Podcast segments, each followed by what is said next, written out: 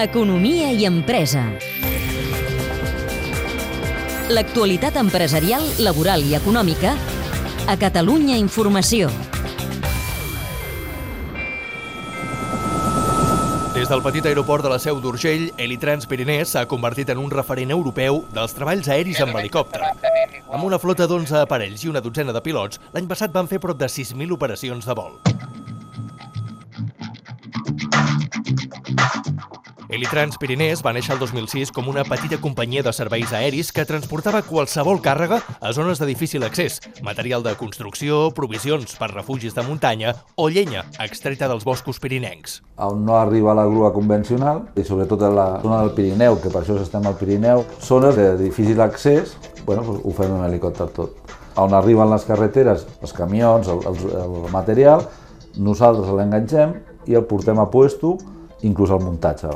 Jordi Gardela és el gerent de l'Itrans Pirinès que s'ha especialitzat en el transport de càrrega, però també en la inspecció de línies elèctriques. Ara mateix fem uns 50.000 quilòmetres de línia, de, tant de transport, vale, que és red elèctrica, com la dels subministres, que és Endesa, Iberdrola, i llavors porta un altre tipus de càmera, que és la termogràfica, que detecta el que són els punts calents, que puja de temperatura i amb aquesta càmera detectem aquest tipus de possible averia de, de, de la línia. Però la seva feina no acaba aquí. L'últim quilòmetre, últim, 700 metres, Jasper Stuyven, qui marxa sol en punta, darrere seu salto Nineus, podria ser Tom Pitcock... Les imatges aèries de voltes ciclistes o curses de MotoGP també les emeten en directe als seus helicòpters. També fem la Volta Ciclista a Espanya, que és un, un event de 5 helicòpters, porta molta feina, que dura un mes, és un 30 dies seguits treballant. Una altra línia d'activitat són els rescats de muntanya i l'extinció d'incendis.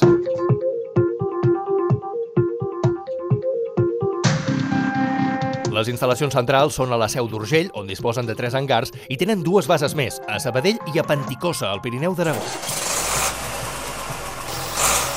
També disposen d'un petit exèrcit de camions i furgonetes de carburant per proveir els helicòpters. Gemma Castro és tècnica d'operacions.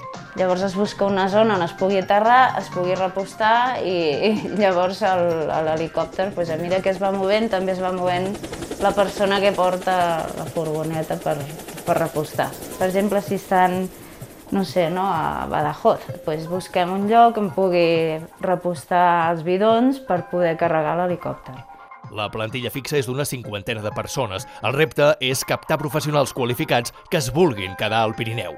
Perquè clar, és un ofici que necessites estar doncs, enginyer, aeronàutic, eh, mecànics han de ser TMA, vol dir que estan reconeguts per aviació civil, que és la, una mica la dificultat que té l'Itrans, no? de, de, de portar gent de fora tindrà la fitxa aquí a la seu, eh, em refereixo, eh, és el Pirineu. La singularitat del servei i l'elevat grau d'especialització han projectat la imatge de l'Itrans Pirinès. La companyia preveu ampliar mercat a mitjà termini quan els empresaris s'adonin que el transport en helicòpter és una alternativa ràpida i eficaç. Un exemple el trobem al Parc Natural de l'Alt Pirineu. Marc Garriga n'és el director. Clar, al Parc Natural de l'Alt Pirineu hi ha moltes zones que són inaccessibles a l'accés motoritzat. Per exemple, per arreglar cabanes de pastor, per senyalitzar camins que estan en zones altes, per fer qualsevol, arreglar un mur de pedra, tot el que sigui bastant inaccessible, de disposar del servei de transport d'helicòpter, bueno, ens va de perles. La gent es pensa que és un dineral, però després l'efectivitat de l'helicòpter, parlem de 3 minuts, 4 minuts la, la rotació, vull dir que és superràpid, si està preparat, que vegin les possibilitats, que tinguin idea de que no li cap la grua convencional o no arriba per carretera, per terrestre, és a nosaltres. És un reportatge d'Eloi Barrera amb muntatge musical d'Ismael Cebrián. El teniu ja disponible al podcast de l'Economia i Empresa. Economia i Empresa. A Catalunya Informació.